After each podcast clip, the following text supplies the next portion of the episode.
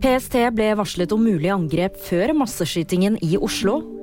Hemmeligstemplede dokumenter funnet på Bidens eiendom. Og Utdanningsdirektoratet tar grep i frykt for juks. En hemmelig agent fikk terrorvarsel før prideskytingen i Oslo i fjor sommer. Dermed varslet E-tjenesten PST om at det kunne komme et terrorangrep mot Skandinavia.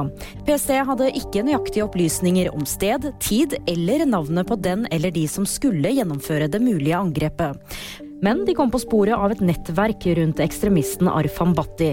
Dette er det samme nettverket som terrorsiktede Zanyar Matapour er en del av. Eh, og så er jo da spørsmålet nå Eh, Bl.a. Eh, om norske myndigheter har svikta på noe vis, og om man har gjort alt riktig. Men det er i hvert fall et svært dramatisk bakteppe som VG nå avslører.